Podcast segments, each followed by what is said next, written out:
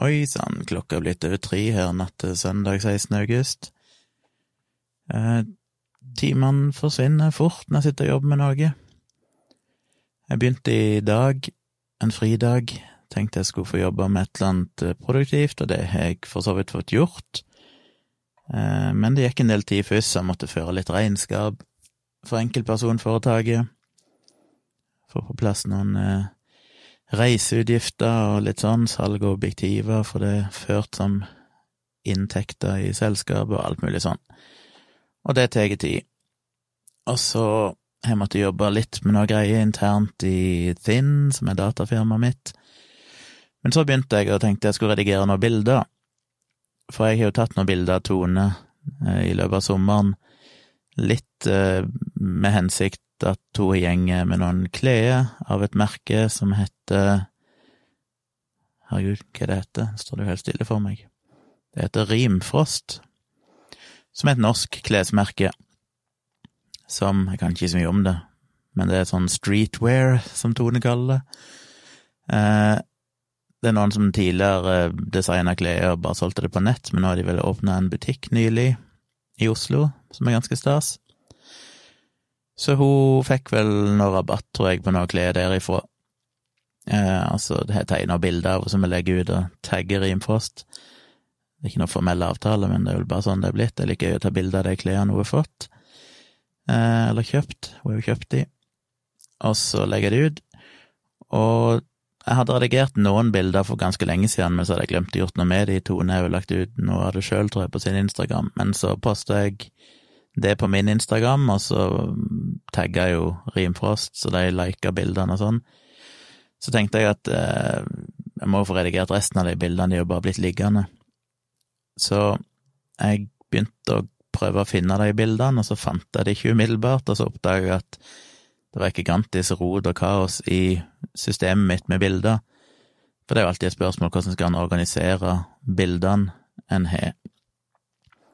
Og spesielt når jeg drev og hoppet mellom forskjellige redigeringsprogrammer, Lightroom og Luminar og Capture One, og drev og kopiert bildene for å prøve å ha de begge plassene så jeg kan teste programmene, og så er det mye duplikater, og så er de organisert i litt forskjellige mappestrukturer.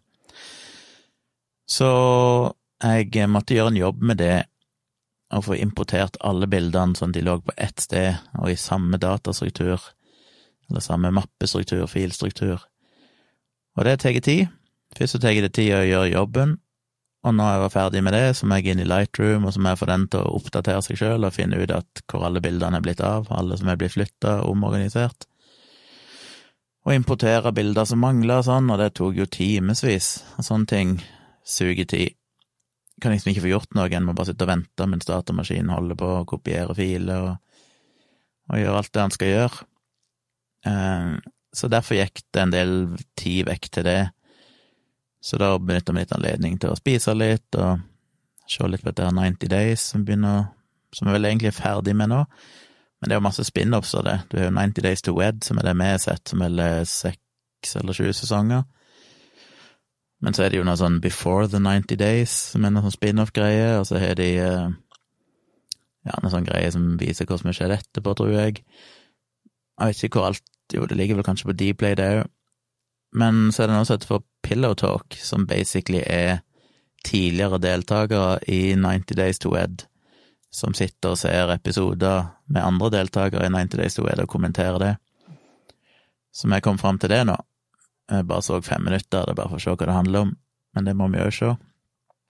Så det er mye å se på, så jeg måtte sitte og se på det, eller måtte, jeg ville sitte og se på det for å få tid til å gå mens jeg venta på at filene skulle kopieres, og så endelig, ganske seint, når klokka sikkert nærmer seg eh, hva var den, ti, elleve, så fikk jeg med meg Tone inn til å gå gjennom alle bildene jeg har tatt av for jeg har tatt ganske mange, og det er best at hun velger ut hvilke noen hun syns er de jeg burde redigere og bruke. Og så begynte jeg på det.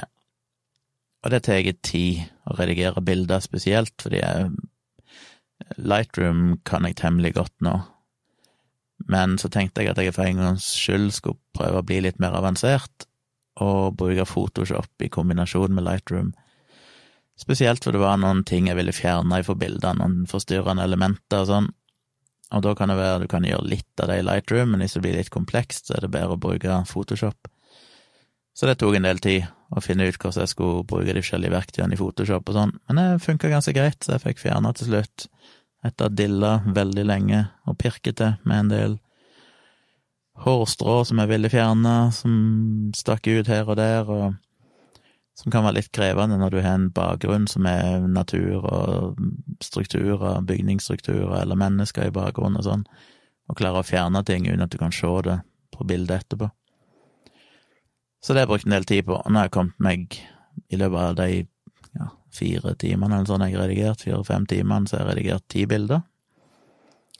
Som vil si jeg har brukt en halvtime halvtimes tid sånn per bilde.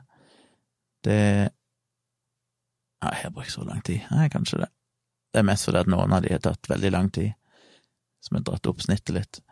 Men nå går det litt radigere på de siste bildene, for jeg har fått litt uh, funnet ut hvilke verktøy og sånn jeg skal bruke i, Light, nei, i Photoshop, og hvordan jeg kan gjøre det ganske kjapt, så Så det er nyttig å lære seg. For av og til så er det forstyrrende elementer i bildet. Plutselig et hode som stikker ut en eller annen plass over skulderen til modellen, som i dette tilfellet er Tone, og sånn, som uh, kan være greit å fjerne, for det er bare forstyrrende. Så det har jeg brukt en del tid på. Ellers har jeg jo faktisk engasjert meg bitte grann i Facebook-debatt i dag, som jeg jo egentlig aldri gjør, og jeg merker at jeg blir stressa av det, og jeg burde ikke gjøre det. Men jeg ble så irritert. Vi hadde jo i forrige dialogisk, så snakket jo meg og Dag litt om dette her med cancel culture og sånne ting. Og jeg hadde vel en liten rant. Jeg ble så irritert for det enkelte folk inne på Facebook eh, som hele tida poster om eksempler på å, der er cancel culture, og Spesielt en som heter Espen Goffeng, som er en veldig oppegående og stort sett fornuftig fyr. Men jeg irriterer meg veldig over en del av de tingene, for jeg føler han overdramatiserer så. Jeg var med i en paneldebatt med han i Bergen her i det var det, i fjor høst, der vi diskuterte dette her med scenenekt inne på, på biblioteket inne i Bergen. Og meg og han, og så var det en til, en jurist som jeg ikke husker navnet på. Og da snakket vi om dette. Og han er jo han, Hans mantra jo hele tida å vise til eksempler fra USA og se hvor forferdelig det er blitt der, og nå er det bare spørsmål om tid før det kommer til Norge, og så sitter han jo og leter etter alle ting som kan være antydninger til noe sånt i Norge, og poster det på Facebook og overdramatiserer. Og en sak dere kanskje har med dere, er denne saken med denne tyske studenten i Bergen, på Universitetet i Bergen, som i fjor høst en gang, eller i fjor, ja, det er nesten et år siden, eh, følte seg krenka av noe en eh, professor sa i en forelesning. Han dro en eller annen uh, tyskervits. Uh, eller han blanda inn tyskeren i en eller annen sånn liten bisetning som han syntes var ubehagelig, og han meldte det inn. Og jeg tror vi alle kan være enige om at i utgangspunktet så virker det ganske hårsårt. Samtidig så syns jeg jo det som jeg savner i alle disse debattene, er at disse folkene alltid har en tendens til å tenke at fordi jeg syns dette ikke være noe å ta på vei for, så bør det heller ingen andre gjøre det. Og vi kan være enige om at systemet totalt sett nok ikke burde være sånn at sånne ting blir tatt hensyn til eller blir tatt veldig alvorlig, men det går likevel an å anerkjenne at denne ene personen kan ha hatt sine grunner til å ta dette alvorlig. Ingen kjenner historien til denne studenten, jeg vet ikke om det var mann eller kvinne, ingen vet hva denne personen har opplevd tidligere, ingen vet om dette er del av ja, flere små slengbemerkninger som er kommet. Vi vet ikke. Så det at denne studenten varsla dette til ledelsen, eh, kan vi mene hva vi vil om, men ingen av oss kjenner hele saken. Så er jo, og jeg dette er jo blitt posta om blant annet Espen Goffeng, selvfølgelig, og andre, som mener at se her, hvor forferdelig det er, skal vi skal ikke forelesere kunne dra en spøk en gang lenger uten at noen skal føle seg krenka. Men greia er vel det at folk har følt seg krenka til alle tider. Det er jo ikke sånn at studentene er blitt mer lettkrenka. Greia er vel bare at nå er det faktisk mulig å si ifra. Nå blir en kanskje tatt litt mer på alvor enn tidligere. Og kanskje når det gjelder en tyskervits, så kan en tenke at det er idiotisk, men det er jo bare de ekstreme tilfellene som vi får høre om. Vi glemmer jo at det systemet, og det at vi faktisk nå har mye mer gehør for at studenter kan føle at ting er ubehagelig, vil òg gjelde ting som seksuell eh, trakassering og mange andre ting som vi i høyeste grad bør ta på alvor. Så jeg tror det er det de glemmer, at ja, det vil alltid være noen ekstreme tilfeller, men totalt sett så er jo det bare et tegn på at vi har gått i riktig retning, at det nå har blitt mye bedre. Og som jeg alltid maser om når folk snakker om at vi er i ferd med å innskrenke ytringsfriheten, så er jo sannheten den motsatte. Det er jo det at vi utvider ytringsfriheten. Vi gir jo folk, for eksempel her studenter, som kanskje aldri tidligere har blitt hørt eller hatt den makta, fordi det var kanskje en sterkere maktstruktur tidligere, der forelesere og lærere hadde mye mer myndighet, og studenter som skulle beholde kjeft og føye seg. Vi har jo på en måte utjevna dette nå, som gjør at flere får komme til orde. Og det er klart, når flere får komme til orde, så er det noen ganger det går for langt, og noen sier dumme ting, eller klager på dumme ting. Men totalt sett så er jo det bare et signal om at ting faktisk går i riktig retning. Men dagens sak var jo da en sak i det er vel den universitetsavisen, tror jeg, knytta til Universitetet i Bergen, Krono. Jeg vet ikke helt hvorfor en avis det, men iallfall. De hadde skrevet i dag om at eh, denne tyske studenten nå hadde fått erstatning i universitetet. Og så flommer det over av folk, og det er jo kun oppegående samfunnsdebattanter, Espen Goffeng og en del andre, eh, som da skriver poster og sier dette hårreisende, og ei, hun der Linda Lai, ikke helt sikker på hvem hun er, men eh, hun skrev en lang post om hvordan det nå nesten måtte liksom, Nå måtte en passe seg som foreleser, kunne nesten ikke si noen ting lenger, for det måtte ta hensyn til studenter. og, og andre skrev tilsvarende greier som at eh, er det virkelig dette skattepengene blir mine går til, eh, det syns jeg ikke er greit, og vi skal støtte liksom at skattepengene som skal gå til å drive universiteter, plutselig blir brukt til å betale ut erstatning til folk som føler seg krenka av dårlige vitser. Men det ingen hadde fått med seg, er jo at hvis du leser den saken, så hadde jo ikke studenten fått erstatning for at universitetet var lei seg for at han var blitt krenka. De sa jo eksplisitt i artikkelen at det er det ikke tatt standpunkt til. Denne professoren har jo ikke fått noen Det er ikke blitt opprettet noen personalsak på han, det har jo ikke fått noen konsekvenser for han, det er ingen som har sagt til denne professoren dette var galt, du burde ikke sagt det. Eh, og det er ingen som har sagt til denne studenten at eh, du hadde rett i denne klagen din, du er rett til å føle deg krenka, her har du 10 000 kroner. Det saken handler om, var at det systemet som universitetet har, som heter Si fra-systemet, der studenter kan varsle om sånne ting. Eh, denne tyske studenten hadde da varsla gjennom det, men så hadde de håndtert det dårlig, det skal jo egentlig sikre studenten anonymitet og så videre, men navn og en del andre ting hadde visst lekka ut til journalister og sånne ting. Og det hadde jo medført masse styr for den stakkars studenten, eh, masse mediekjør, eh, og hatt konsekvenser for han som Han sier jeg, det kan være hun òg. Eh, men iallfall, denne studenten hadde da gått til søksmål og endte opp med å få en erstatning på 10 000 kroner, pluss at de skulle dekke advokatutgiftene. Og det var jo kun fordi de innrømte at dette si fra-systemet var for dårlig og ikke sikra personvernet til studenten. Det hadde ingenting med at de anerkjente at den klagen han kom med på at han var blitt krenka, var gyldig. Og allikevel så kom alle disse postene, post etter post, og det er så mange oppegående folk, skribenter, samfunnsdebattanter, jurister og eh, alt mulig rart, som alle gjør samme feilen. De tror at dette handler om at studenten har fått penger fordi han ble krenka. Og så er det noen som kommer med argumentet ja, for da gikk jo jeg inn og kommenterte sikkert ti forskjellige plasser, så skrev jeg varianter av det samme og bare sa liksom hei, dere bør kanskje lese hele saken, studenten har jo ikke fått uh, erstatning for å bli krenka, men derimot for at personvernet til studenten ble krenka gjennom et dårlig varslingssystem. Så er det noen par plasser så er det noen som klarer å prestere og lire av seg at ja, det er kanskje greit, men hadde ikke studenten kommet med den idiotiske klagen i utgangspunktet, så hadde han jo ikke fått det problemet. Altså, det er studenten som da har skapt problemet sjøl, som jo er helt ufattelig prinsippløst. Så det vil basically si at hvis jeg hadde meldt uh, ja, et eller annet til en journalist som jeg ønsker skulle forbli anonymt, et tips, og så lekker jo eh, journalisten navnet mitt til media, eller skriver det i avisen, eller noe sånt, så skal jeg bare ha rett til erstatning hvis tipset mitt faktisk var fornuftig og bra. Hvis det derimot kom et idiotisk tips, så er jeg da ikke noen rettigheter lenger. Det er helt ufattelig at de klarer å bruke det. Det er jo helt revnende likegyldig om den varslinga studenten kom med, om han hadde rett til å føle seg krenka eller ikke. Det er jo ingenting med saken å gjøre. Uansett hvor idiotisk varselet er, så har jo selvfølgelig denne studenten krav på å forsikre personvernet sitt. Men en kan vel til og med si at kanskje spesielt, og kanskje spesielt for å verne potensielt idiotiske varslinger som kan ha spesielt negative konsekvenser, som for eksempel for denne studenten som hele Norge liksom ler av fordi han ikke tålte en tyskervits, så er det jo spesielt viktig at en kan ivareta personvern og anonymitet og behandle sånne varsel på en skikkelig måte. Så jeg blir oppgitt, jeg blir irritert på at uh, det er sånn her ytringsfrihetsrytterne aldri klarer å gå i dybden av saker.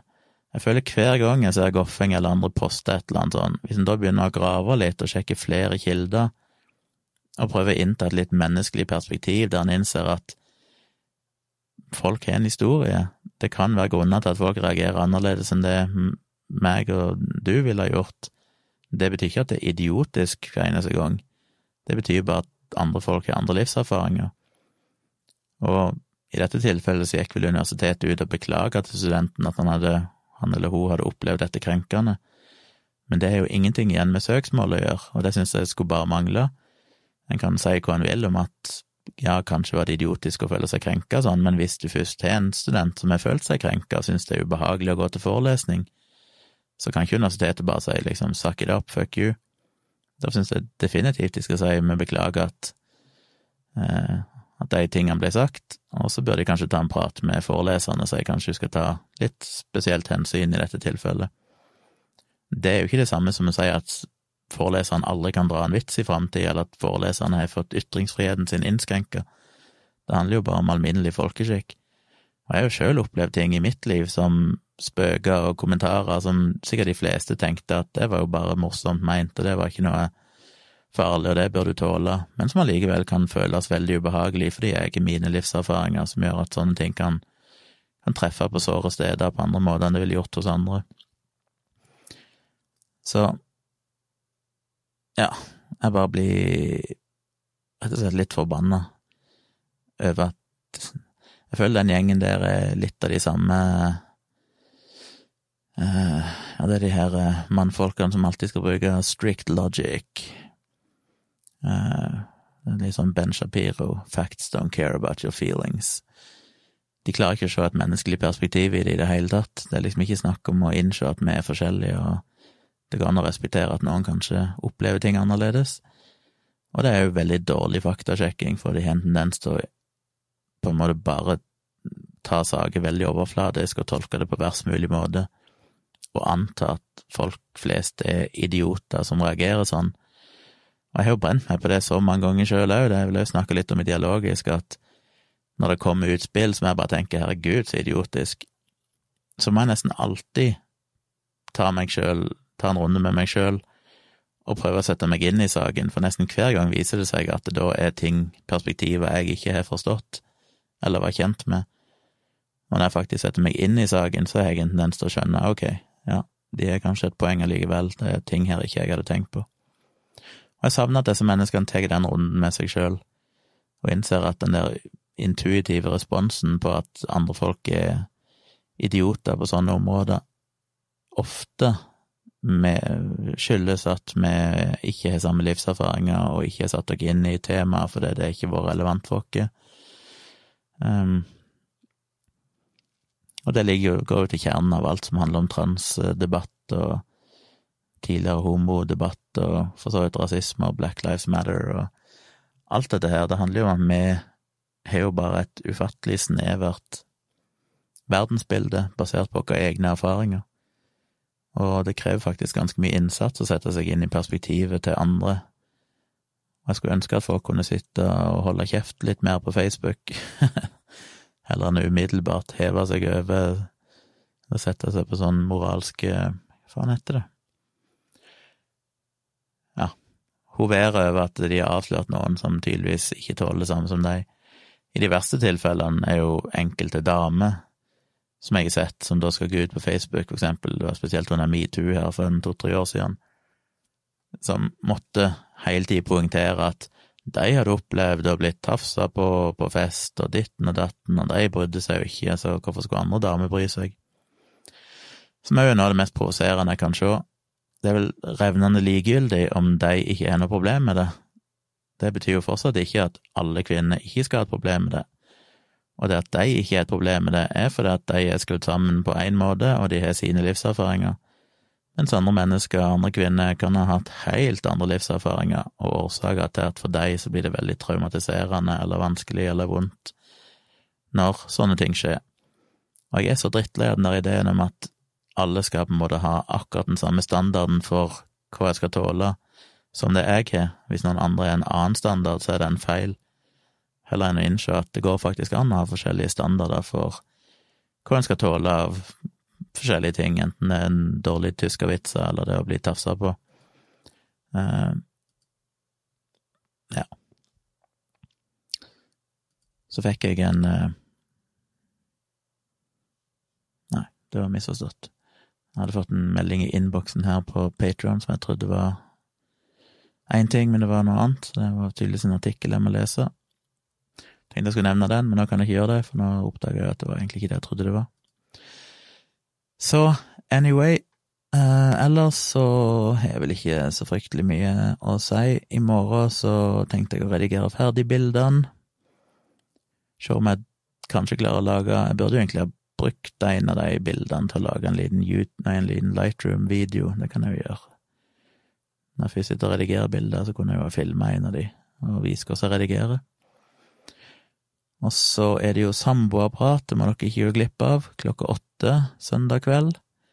Da blir han, som sagt, eh, som jeg vil antyde, og som jeg nå, har bestemt meg for, den blir åpen for alle mine patrons. Så uansett hvilket nivå du er på, så kan morgendagens, eller dagens når dere hører dette, altså søndag 16. august klokka 20, så kan den samboerpraten høres av alle. Så da håper jeg enda litt flere blir med og ser på live. Og så rekker vi vel ikke så mye mer i morgen, for timene flyger, men hvis vi rekker det, så hadde jeg jo egentlig lyst til å kanskje gå en tur med Tone og Kyla og ta noen bilder og sånn, men jeg får se hva jeg klarer å skvise inn i løpet av morgendagen. Ellers ble jeg litt glad. Tone viste meg, jeg hadde ikke fått det med meg, men uh, på dette liveshowet i Trondheim, så Som sagt, vi hadde ikke verdens beste plan, eller vi hadde jo egentlig en plan, men alltid vanskelig å vite hvordan ting går. Og én ting jeg uh, drog fram til Dag når vi satt og spiste og drakk litt før showet. Så måtte jeg en tur på do. Og en ting som alltid plager meg når jeg er på do i disse tider, er at jeg, eh, sånn som når jeg er i Trondheim, så spriter jeg jo hendene hele tida, det er jo stort sett sprit overalt og på alle plasser du går inn og sånn. Så kan en desinfisere hendene sine. Og det er greit nok, men så går jeg inn på doen og må kanskje være borti dørhåndtaket, jeg prøver jo ikke å bruke hender og fingre på sånne ting, men så må jeg kanskje løfte opp dolokket, og så må jeg låse døra, og da må du nesten bruke hendene eller fingrene på en eller annen måte, og iallfall jeg føler at hendene mine er ikke reine. Og så må du da ta ut penis for å tisse, og da tar jeg jo på mitt eh, kjære kjønnsorgan, og så blir du ferdig, og så går du ut, og så vasker du hendene godt, og så spriter du kanskje hendene òg i tillegg, men du får jo aldri vaska kuken. Og det irriterer meg. Det føles som at jeg eh, infiserer kuken med korona. Ok, dette er ikke sånn superseriøst, det er ikke noe stort problem, men det var bare en tanke som slo meg, at jeg eh, får nesten lyst til å vippe ut kuken òg og vaske den når du er bare på do, og desinfisere den etterpå, for du har jo drevet og klabba på den med hender som sikkert potensielt kunne være har basillusker på seg. Eh, det vil jo egentlig gjelde alltid, det er ikke noe spesielt nå i disse koronatider. Men jeg blir jo bare litt sånn opptatt av det, siden det er så rart at en går og spriter hendene hele tida, og du skal ikke ta deg sjøl i ansiktet, men det er nesten mulig å ikke ta seg på kuken når en skal på do. Da får en lyst til å kanskje følge de samme rutinene der òg. Så jeg bare nevnte det som en sånn kuriositet til Dag, og så satt han og noterte noen stikkord til ting vi kunne snakke om, så han noterte koronakuk, og så plutselig, når vi sitter på scenen der, så drar han fram det, så sa han ja, han hadde notert seg koronakuk, hva i all verden mente med det, sa han til meg. Og så måtte jeg sitte på scenen der og plutselig dra denne her historien, og følte jo at jeg hadde jo ikke noe god punchline, og jeg var veldig uforberedt, og tenkte at herregud, dette her blir dårlig, men jeg måtte bare hoppe i det. Og som sagt, i gårsdagens podkast så hørte vi jo fanken ikke respons fra publikum, Så jeg satt der og prata et par minutter om denne koronakuken, og prøvde å få det til å bli morsomt, men jeg følte ikke det var noe respons i det hele tatt. Og det og et par andre ting jeg liksom bare gått med sånn sug i magen i to dager nå og bare tenkt sånn åh, Jesus, så flaut, hele greia. Men så kom det en kommentar i dag på, under den posten eh, for showet inne på Dialogisk Facebook-side. Det var en som skrev at det var så jævla morsomt med den koronakuken, holdt på å lese i hjel, et eller annet sånt. Og det føles jo godt. Eh, og Tone var ute i publikum når det skjedde. Hun vi ikke snakka om dette på, men hun sa jo at hun òg hadde jo ledd, så syntes det var så morsomt, og hun hadde hørt publikum le og sånn. Og det snur jo veldig mye, og det er godt å høre. Men det viser jo hvor irriterende det er når du ikke får den responsen fra publikum, når ikke du hører den, for det er vanskelig å se at folk ler når de sitter på avstand. Og de sitter så spredt, så tør du liksom ikke drive og kikke på alle. Det er vanskelig å sitte og kikke på publikum. Jeg følte der jeg så, så følte jeg folk var litt sånn tafatte. Men tydeligvis så fant folk det morsomt, og det var jo en god ting, så det Det er litt som når jeg holder foredrag som varer i kanskje halvannen time. Hvis det er én person i publikum som jeg ser sitter og nikker når jeg sier ting, så gjør det hele forskjellen. Og jeg elsker det når det er sånn én person, en eller annen engasjert publikummer som sitter og nikker anerkjennende når jeg kommer med ting i foredraget, for da tenker jeg bare sånn yes, det er iallfall én person der som syns at det jeg sier nå er fornuftig, for min intuitive følelse er jo alltid at alle syns det jeg står og sier er dritteit, og herregud, så skuffa folk sikkert er når jeg står her og holder foredrag. Så det er et eller annet med det å få den der ene responsen, det gjør liksom at sånn, ok, det var i hvert fall én som syntes det var morsomt, så da var det ikke helt mislykka. Så det var jo det var hyggelig. Dere får høre det når det opptaket eventuelt kommer en eller annen gang. Så kan dere se om det ble noe morsomt. Men uh, ja.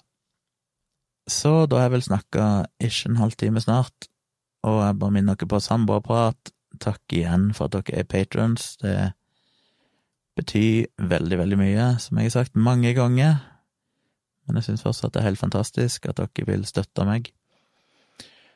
Og så må jeg tenke om jeg eh, Jeg burde jo skrive noe om det her cancel culture og den irritasjonen jeg har hatt i dag på Facebook. Det er jo noe som egentlig for noen år siden så hadde det resultert i en bloggpost med en gang.